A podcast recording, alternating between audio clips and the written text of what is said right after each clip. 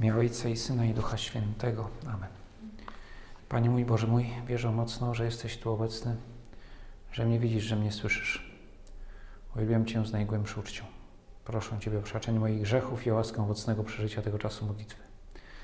Matko moja niepokalana, święty Józefie Ojcze i Panie mój, aniele stróżu mój, wstawcie się za mną.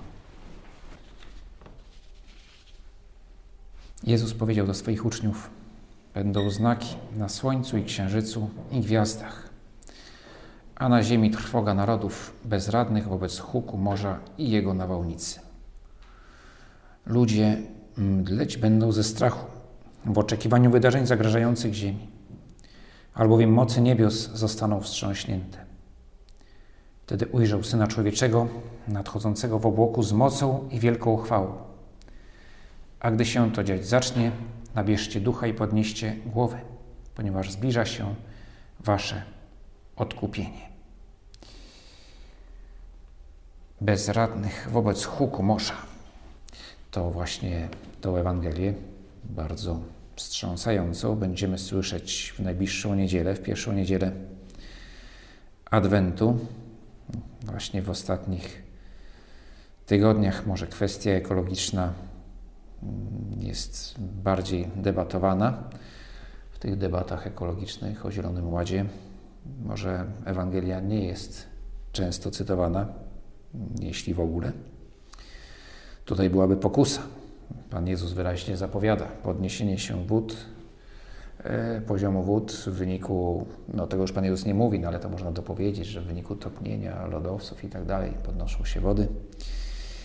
E, no tutaj naturalnie przeciwnicy powiedzą, no a co ze Słońcem i Księżycem, e, co też z powodu smogu czy tam innego CO2 będą wstrząśnięte gwiazdy czy, czy planety. Wydaje się, że Ewangelia raczej potwierdza antropogeniczną teorię e, tych zmian klimatycznych. Zdecydowanie potwierdza, ponieważ te burzące się morze, mało tego, również moce niebios wstrząśnięte są wstrząśnięte z powodu naszych grzechów. W tym sensie e, przyczyny tutaj opisanych e, czy zapowiadanych przez Pana Jezusa katastrof są w nas. No ale oczywiście nie chodzi o, o, o jakieś działanie w dziedzinie gospodarki. I sądzę, że Pan Jezus nie zamierzał wchodzić w kwestie klimatyczne, ale w kwestie ostatecznie dużo poważniejsze.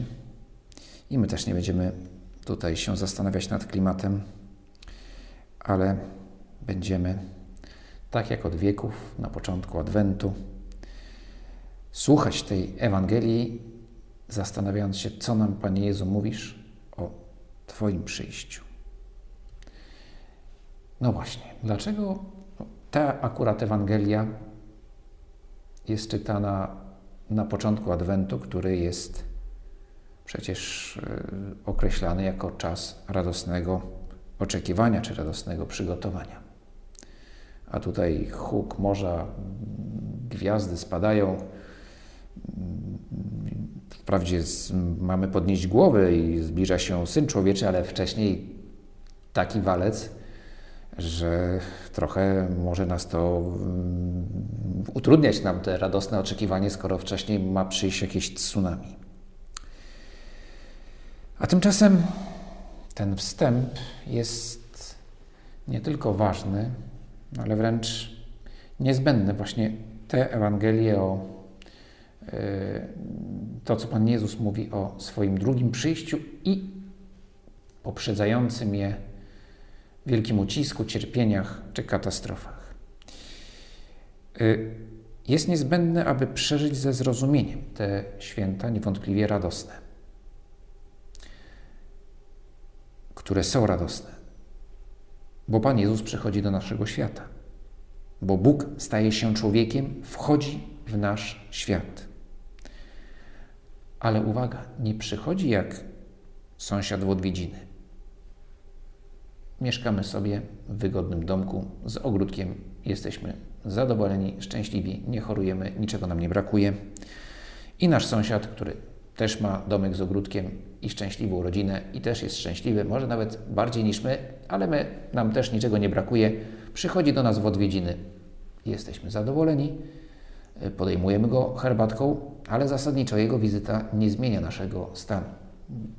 Może troszeczkę jest milej, ale, ale nie jest to jakaś zmiana radykalna.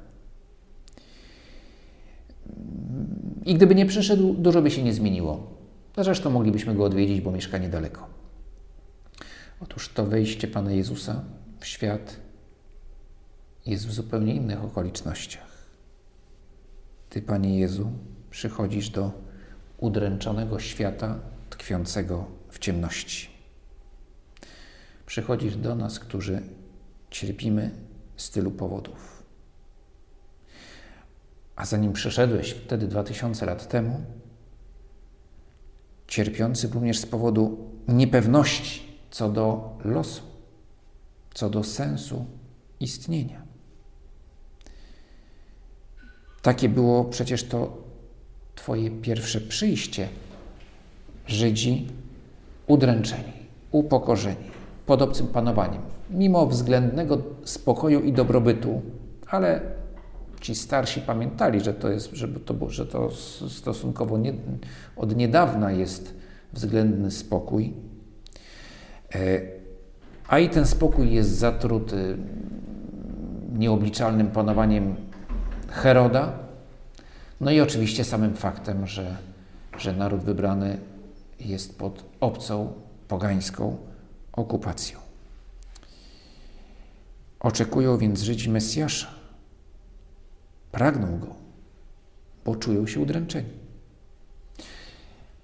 A jeśli chodzi, to była ta perspektywa doczesna, a jeśli chodzi w ogóle o sens swojego życia, no to owszem, już w tamtych czasach kształtowała się, kształtowały się zręby wiary co do przyszłego życia człowieka, ale w dalszym ciągu była to perspektywa bardzo niejasna ze zrozumiałych powodów. Pan Jezus jeszcze nie otworzył, nie otworzył bram nieba. E, I to, co wiedziano o zaświatach, no, że jest to jakiś szeol, że jest to jakiś stan oczekiwania, już wielu Żydów wierzyło w zmartwychwstanie, w zmartwychwstanie do życia lub do, lub do, do śmierci wiecznej, ale, ale to wszystko było jako pewna hipoteza. Duża część wierzący, wierzących w Boga Żydów, no nie wiem czy tak duża, ale była grupa tak zwanych saduceuszy, którzy w ogóle w to nie wierzyli, że co, jest jakiekolwiek życie po śmierci. A ci, co wierzyli, mieli właśnie takie bardzo niejasne, niepewne e, przekonania, co zresztą widać, jak często Pana Jezusa o to pytają. Więc ta niepewność co do losu, co do naszego istnienia po, po śmierci. I ta niepewność, kiedy Ty, Panie Jezu, przychodzisz na świat, jest bardzo silna u Żydów, a co powiedzieć o poganach, których w ogóle mniemania na temat życia przyszłego były bardzo niejasne, tajemnicze i przeniknięte jakimś smutkiem czy fatalizmem. A przecież Żydzi czekający na Mesjasza to symbol stanu każdego człowieka, również dzisiaj. Przyszedłeś, Panie Jezu, wtedy, raz, żeby rozpocząć dzieło odkupienia. I to dzieło trwa. Co więcej, jego najważniejszy etap się dokonał. Już usunąłeś tą niepewność co do naszego losu. Jesteśmy pewni, że ta historia skończy się szczęśliwie, bo droga do Twojego królestwa jest już otwarta. Ty ją otworzyłeś na krzyżu. Drugie przyjście, paruzja, zwane też popularnie i niewłaściwie końcem świata, bo to ściśle rzecz biorąc jest koniec tej formy świata, w jakiej jesteśmy, skażonej grzechem. To jest ostateczne zwieńczenie tego procesu, Twoje drugie przyjście. W osobistej historii każdego z nas to jest nasze spotkanie z Tobą po, po śmierci. I wierzymy, bo nam to pokazałeś, że, że to nie jest perspektywa niejasna czy budząca lęk, lecz wręcz przeciwnie. Podnieście głowy. Zbliża się Wasze odkupienie. w Boże Narodzenie ucieszymy się z tego, że dwa tysiące lat temu przyszedłeś. I, I konsekwencją tego jest właśnie, że już teraz nie żyjemy w niepewności. Jeśli mamy wiarę, to ze spokojem myślimy o, nie tylko ze spokojem, wręcz z radością myślimy o naszym losie. Ale też przypominamy sobie właśnie tamten czas, wręcz go uobecniamy, kiedy naród wybrany czeka, udręczony. Bo my też cały czas czekamy. Nadal czekamy od dwóch tysięcy lat. My, no, my czekamy tutaj od lat stosownie do naszego wieku. Ja czekam od jakichś 48 lat. E, no ale jako chrześcijanie czekamy od 2000 lat. No, właśnie czasy ostateczne zaczęły się wtedy. Kiedy mówimy o czasach ostatecznych, albo kiedy Pan, Je Pan Jezus mówi o tym czasie ostatecznym, to mówi owszem, to mówi na kilku poziomach. Owszem, odnosi się do tego, co poprzedza bezpośrednio Jego przyjście, ale Kościół zawsze widział to jako też wizję tego, co się dzieje teraz. Znaczy po tym, jak Pan Jezus do nieba wstąpił, zesłał Ducha Świętego i to jest właśnie czas ostateczny. Jak on długo będzie trwał, nie wiemy. Może jeszcze parę lat, a może jeszcze parę tysięcy lat. Tego nie wiemy. Ale wiemy, że to, co najważniejsze, już się dokonało, czy się też dokonuje i dokona, się dzieje już teraz. I, i tak też trzeba odczytywać te, te Ewangelie o czasach ostatecznych. Choć niewątpliwie mają też przesłanie co do, co do samego momentu przyjścia już tego konkretnego, ale, mm, e, ale, ale przeżywamy je to wszystko też powinniśmy interpretować jako to, co się dzieje już teraz. A więc od wieków huczy morze. I od wieków zdaje nam się, że co najmniej w niektórych momentach, że mocy niebos, niebios są wstrząśnięte. Ten huk morza, jeśli wierzymy, jeśli Tobie ufamy, Panie Jezu, owszem smuci nas, ale nie przeraża. Trwoga narodów. Co znaczą narody? W Piśmie Świętym narody znaczył poganie. Kiedy w Piśmie Świętym pada takie określenie, narody to znaczy poganie.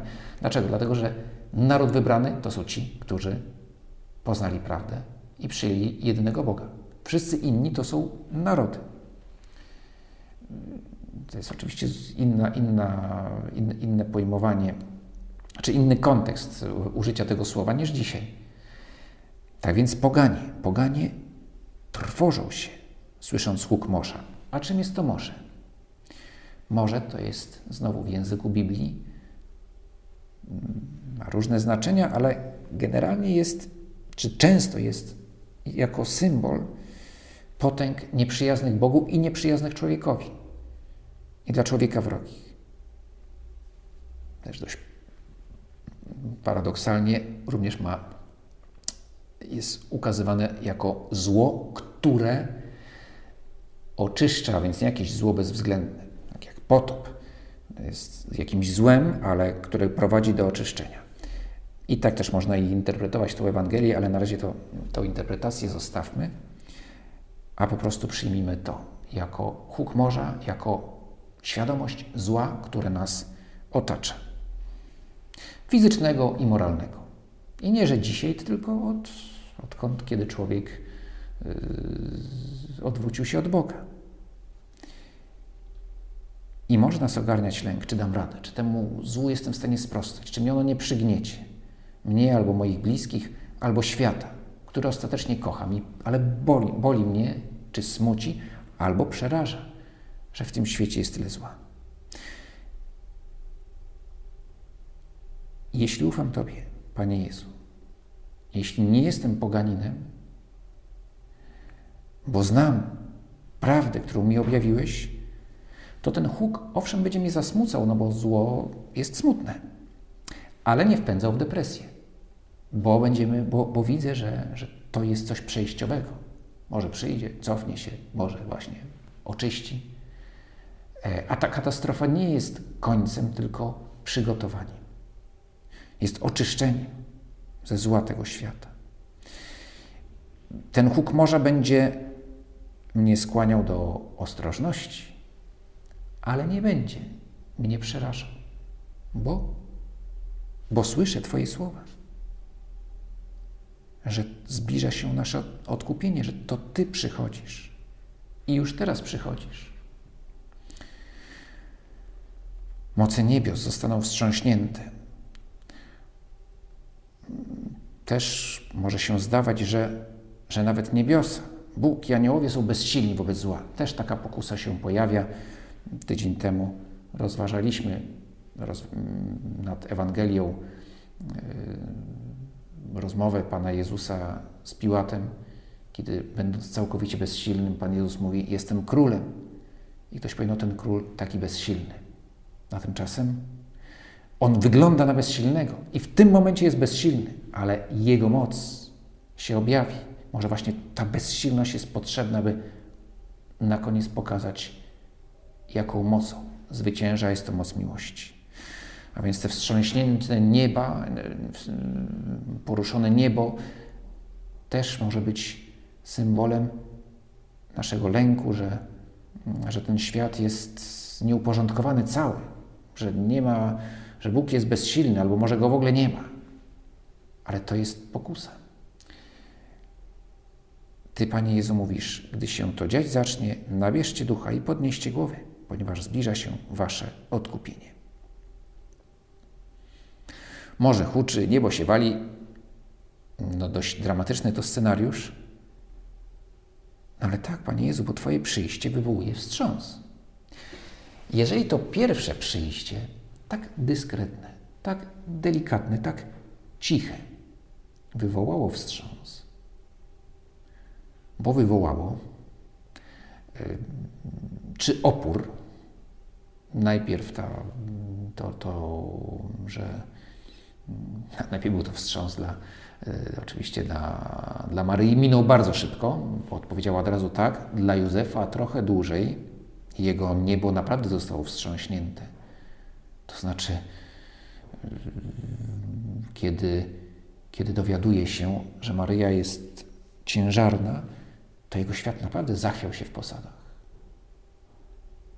Ale że był człowiekiem nadziei i wiary, no to uznał, cóż, taka wola Boga. Zrobię to, co mogę, co się da zrobić w tej sytuacji. I wtedy, i wtedy Józef sobie dowiaduje się, że Bóg przychodzi. I to do niego przychodzi, znaczy, że on w tym przyjściu będzie miał szczególny udział. Nie, że nic się nie zawaliło, tylko właśnie się teraz tworzy. No ale przeżył moment i to wcale nie wiemy, czy to, czy to był moment, czy to były i kilka dni. Yy, jak długo trwało to cierpienie Józefa, jak długo trwało ten, ten, trzęsienie ziemi w jego, w jego życiu. A kiedy Pan Jezus się rodzi, wkrótce, jakiś czas później, ale jest jeszcze malutkim dzieckiem, kiedy Herod tak się boi jego obecności, że, no, że, że, że wpada w szał i podejmuje środki zupełnie nieproporcjonalne. Yy, czy może tak, są nieproporcjonalne, bo i tak z założenia były nieskuteczne, bo nie mógł yy, sprzeciwić się woli Boga, ale, ale wpada w szał i skieruje, kieruje mm, siły swego, swego państwa, a więc pozornie jakąś wielką potęgę, żeby zgładzić jedno dziecko. Yy, a przecież to tylko dziecko. Więc, więc może Panie Jezu, Ty, ty swoim pojawieniem się już wywołałeś taką, taką, taką reakcję. Zło reaguje. To, co złe w świecie, muszę wstrząs, bo, bo oto to się pojawi, jakby te złe moce, to zło, które w świecie jest, czuje, że kończy się jego panowanie. Więc reaguje gwałtownie. No, zło ostatecznie jest to e, w szczególności ten, który jest źródłem czy głównym sprawcą zła, a więc szatan. Twoje przyjście wywoła wstrząs. Może tutaj być trochę brutalne porównanie, ale, ale tak jest człowiekiem, który cierpi na jakieś nauki, próbuje się z nałogu wyrwać. Czy to będzie nau nauk alkoholowy, czy, czy no, narkotykowy, czy o wiele mniej groźny, ale również niszczący dla człowieka, jakim jest palenie tytoniu, czy też jakieś nałogi do, o innej naturze, jak nie wiem, uzależnienie od gier, od hazardu. Odwyk boli, po prostu boli. Wręcz jeśli jest uzależnienie od substancji chemicznej, to ciało się po prostu buntuje, się wścieka, że szarpie. Wie, człowiek, który, który podejmuje leczenie, musi walczyć i cierpi, bo jego organizm się buntuje przeciwko odebraniu mu tego, co, co, go, co go niszczy. Więc można powiedzieć, że świat też się buntuje. I im bliżej Pan Jezus, ten bunt będzie silniejszy. No ale jak już mówiłem, nie będziemy teraz wchodzić w jakieś tutaj przepowiednie, czy to już teraz, czy za 100 lat, bo nie mają one sensu i sam Pan Jezus nam jasno mówi, żebyśmy tego nie robili. Znaczy, czynili jakieś przewidywań, a raczej patrzyli, co oznacza ta Ewangelia dla mnie tu i teraz. I co nam zaleca Pan Jezus? Co nam mówisz, Panie Jezu? Jak mamy, jaką mamy postawę przyjąć wobec tego huku morza, wobec tych wstrząsów na niebie, na ziemi?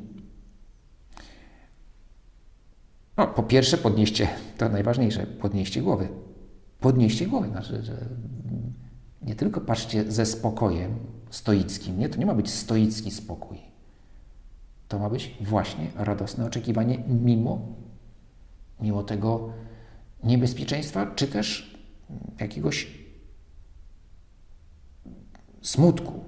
Jak można połączyć radość ze smutkiem? No można. Smut, smucę się z powodu zła i równocześnie cieszę się, wiedząc, że to zło ulegnie, jest przejściowe, a Ty przychodzisz. Uważajcie na siebie, aby wasze serca nie były ociążałe wskutek obżarstwa, pijaństwa i trosk doczesnych, żeby ten dzień nie spadł na was z jak potrzask, Przyjdzie on bowiem na wszystkich, którzy mieszkają na całej ziemi. Czuwajcie więc i módlcie się w każdym czasie, abyście mogli uniknąć tego wszystkiego, co ma nastąpić i stanąć przed Synem Człowieczym. I to jest przewodnia myśl każdego Adwentu. Radosne oczekiwanie, które oznacza czujność. Kiedyś, może jeszcze w niektórych regionach Polski, może szczególnie na wsi, gdzie dobrze w nocy widać niebo, był zwyczaj, że mm, e, Wigilię zaczynało się z pierwszą gwiazdką. Mówię tutaj w Warszawie to może być pewien kłopot, bo, bo rzadko, szczególnie w zimie widać, widać niebo, e, znaczy gwiazdy na, na niebie i że pierwsza gwiazdka, kiedy tam się pojawi, e, to, to trudno jest określić ale no jeszcze pamiętam z dzieciństwa, kiedy no, nasze miasteczko było, nie, miało, nie było to duże miasteczko, więc nie miało wielkich świateł, neonów i nie wiem czego jeszcze. Także rzeczywiście, jeśli było bezchmurne niebo, można było oczekiwać na pierwszą gwiazdkę i że właśnie wtedy miała się Wigilia zacząć. Dzisiaj zresztą też często Wigilie są po dwie, trzy, tutaj jeździ się od domu do domu na kilka Wigilii, e, więc to też już nie tak łatwo jest tą tradycją żyć, pierwszej gwiazdki, ale, e, ale kiedyś ona była. Ma zresztą bardzo starą historię, bo, bo szabat, wieczerze szabatu e, zaczynało się właśnie w tradycji e, żydowskiej z pierwszą gwiazdą, co akurat w Palestynie było stosunkowo proste, bo po pierwsze ona nie, noc nie zapadała tak wcześnie, mm, nawet w zimę, jak teraz, jak, jak u nas na naszej szerokości geograficznej, a po drugie na ogół mm, niebo, niebo bezchmurne, więc można było ustalić, że o, zapaliła się pierwsza, pojawiła się pierwsza gwiazda. I zaczynamy wieczerzę szabatową. I to było, dlaczego o tym mówię, bo na Wigilię dziecko czeka na ogół, teraz też może już mniej czeka, bo tych prezentów się dostaje co rusz no może nie wszystkie dzieci, ale niektóre już są tak e, nafaszerowane prezentami, że tam gwiazdka specjalnie nie rusza. No ale jednak większość dzieci chyba nadal czeka na prezenty. więc czeka, kiedy się zapali ta, ta, ta, ta gwiazda. Ten zwyczaj też, co był kiedyś, y, żeby, i można go nadal stosować, praktykować, że się pościło w dzień 24 grudnia, też miał to na celu, żeby czekać z utęsknieniem na tą Wigilię, że jestem po prostu głodny i patrzę, kiedy, no, kiedy już będzie ta gwiazdka. I to jest, i myślę, że to był bardzo dobry pomysł. I, i jak najbardziej można go kontynuować, choć nie jest, nie jest obowiązkowy, żeby mieć takie poczucie oczekiwania. Radosnego oczekiwania, które jest oczywiście symbolem radosnego oczekiwania na Twoje przyjście, Panie Jezu. Ale które oznacza czujność. Kiedy się pojawi pierwsza gwiazdka? Z tym, że tutaj w tej Ewangelii, Panie Jezu, mówisz jednak trochę o czymś innym. Oczekiwanie radosne, podnieście głowy, ale też czujne, uwaga na niebezpieczeństwo, żebyście nie wpadli w potrzask. Y, żeby nas morze nie zalało. Tutaj mi się przypomina z kolei no, dużo, mniejsze, dużo mniej przyjemne wspomnienie, na szczęście tylko z, y, telewizyjne, z wielkiego tsunami 2004 roku. Właśnie takie obrazki najczęściej pokazywane, no to jakiś luksusowy kurort nad brzegiem morza, wszystko pięknie, niebieskie niebo, lazurowe morze, przy czym w kurorcie pod palmami sobie siedzą, tam jest jeszcze basenik taki, wszystko jest ślicznie, milutko i po prostu by się chciało tam być, nie ruszać się i chłonąć e, świat i w ciągu kilkunastu sekund wszystko zostaje zalane potężną, miażdżącą wszystko falę. E, obraz wstrząsający oczywiście, wiadomo, że to jest bardzo daleka analogia, bo po pierwsze w tym tsunami oprócz luksusowych kurortów zostało zatopionych tysiące ubogich wiosek, więc to nie jest tak. Yy, I tam może wyglądało to no, równie dramatycznie, ale, no, ale nie, nie, nie, jest to może już wtedy analogia do tego, o, czym teraz mówimy. Yy, zresztą stało się to bez żadnego ostrzeżenia. Nie było w większości miejsc żadnych systemów ostrzegawczych, które są dzisiaj po tej katastrofie. Ale tak sobie myślę, że jednak trudniej się zmobilizować do ucieczki, kiedy się leży, zawyje syrena. Prawda? Uwaga, cudami uciekać. Fuh, na pewno. Że dokończę tylko te martini. Mm, chcę uciekać, ale no może nie, może jednak jeszcze nie teraz. Poza tym, jak to uciekać? W klapkach uciekać? No dajcie spokój. Trochę inaczej, jeśli ktoś stoi, nie wiem, na brzegu, pracuje tam, i, i wie, że to jest rejon niebezpieczny, że może tutaj ta fala nagle wystąpić. Kiedy słyszy alarm, jakby jest na to gotowy, więc, więc dąży uciec. O czym mówi Pan Jezus? Czym jest ta czujność? Oderwanie od dóbr doczesnych. Oderwanie to nie znaczy, że ich nie używamy, nie mamy, nie jemy, nie pijemy.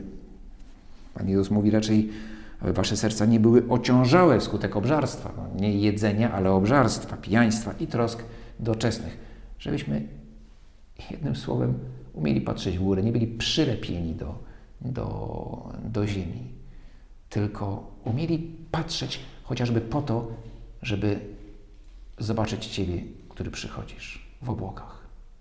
Bo inaczej może się okazać, że owszem, usłyszymy, ale tylko huk morza, a Ciebie nie zobaczymy oderwanie. Dobrobyt rozrywki to wszystko, co jest dobre, ale może nas pochłonąć i uwiązać. Adwent, czas radosnego oczekiwania, ale również wymagania od siebie właśnie po to, żeby to oczekiwanie było radosne. To będzie jeszcze temat kolejnego rozważania, kiedy następną chyba niedzielę, już nie pamiętam, czy to będzie następna, czy jeszcze następna niedziela, będzie o świętym Janie Chrzcicielu i jego przepowiadaniu, którym właśnie Jan Chrzciciel wzywa no, do, do, do umartwienia, do, do pokuty, aby się przygotować, aby naprawdę móc odczuć radość z Twojego przyjścia.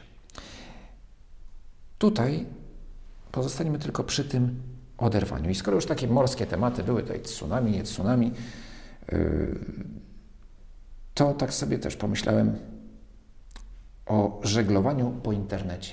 Teraz to już się rzadziej używa tego określenia, ono było popularne na początku, gdy internet się właśnie wlał w naszą rzeczywistość i było popularne określenie surfować po internecie. Właśnie, że ktoś ska skacze, bo to chodziło o to, że się skacze z linku na link.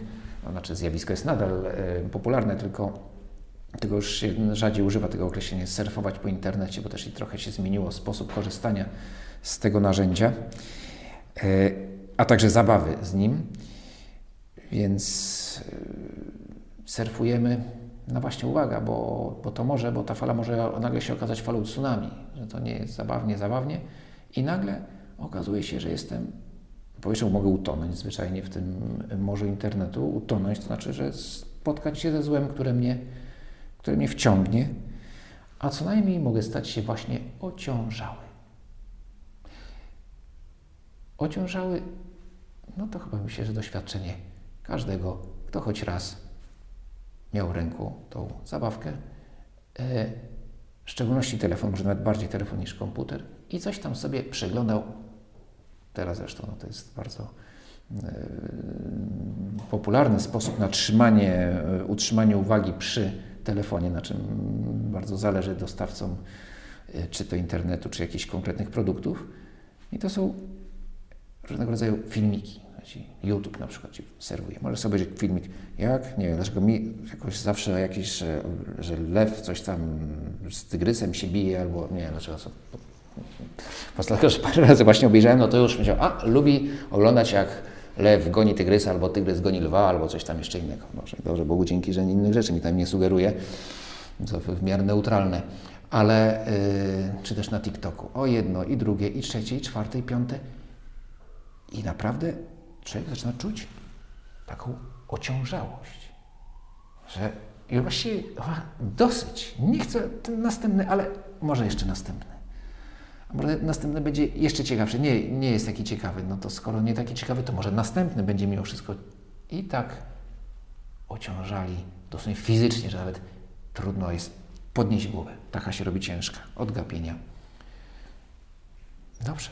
Więc może to jest jakiś pomysł na, na adwent, żeby ten rodzaj ociążałości e, przezwyciężyć. I chcemy oczekiwać na Twoje przyjście, Panie Jezu, razem z Twoją Matką, tak jak ona oczekiwała. Z radością i czujna, czujna na potrzeby bliźnich, natychmiast idzie do Elżbiety, żeby jej pomóc. To jest też ta czujność, żeby widzieć, co jest naprawdę ważne. Maryja pomoże nam przeżyć dobrze ten Adwent. Dzięki Ci składam, Boże mój, za te dobre postanowienia, uczucie i natchnienia, którymi mnie obdarzyłeś podczas tych rozważań. Proszę Cię o pomoc w ich urzeczywistnieniu. Matko moja niepokalana, święty Józefie Ojcze i Panie mój, Aniele stróżu mój, wstawcie się za mną.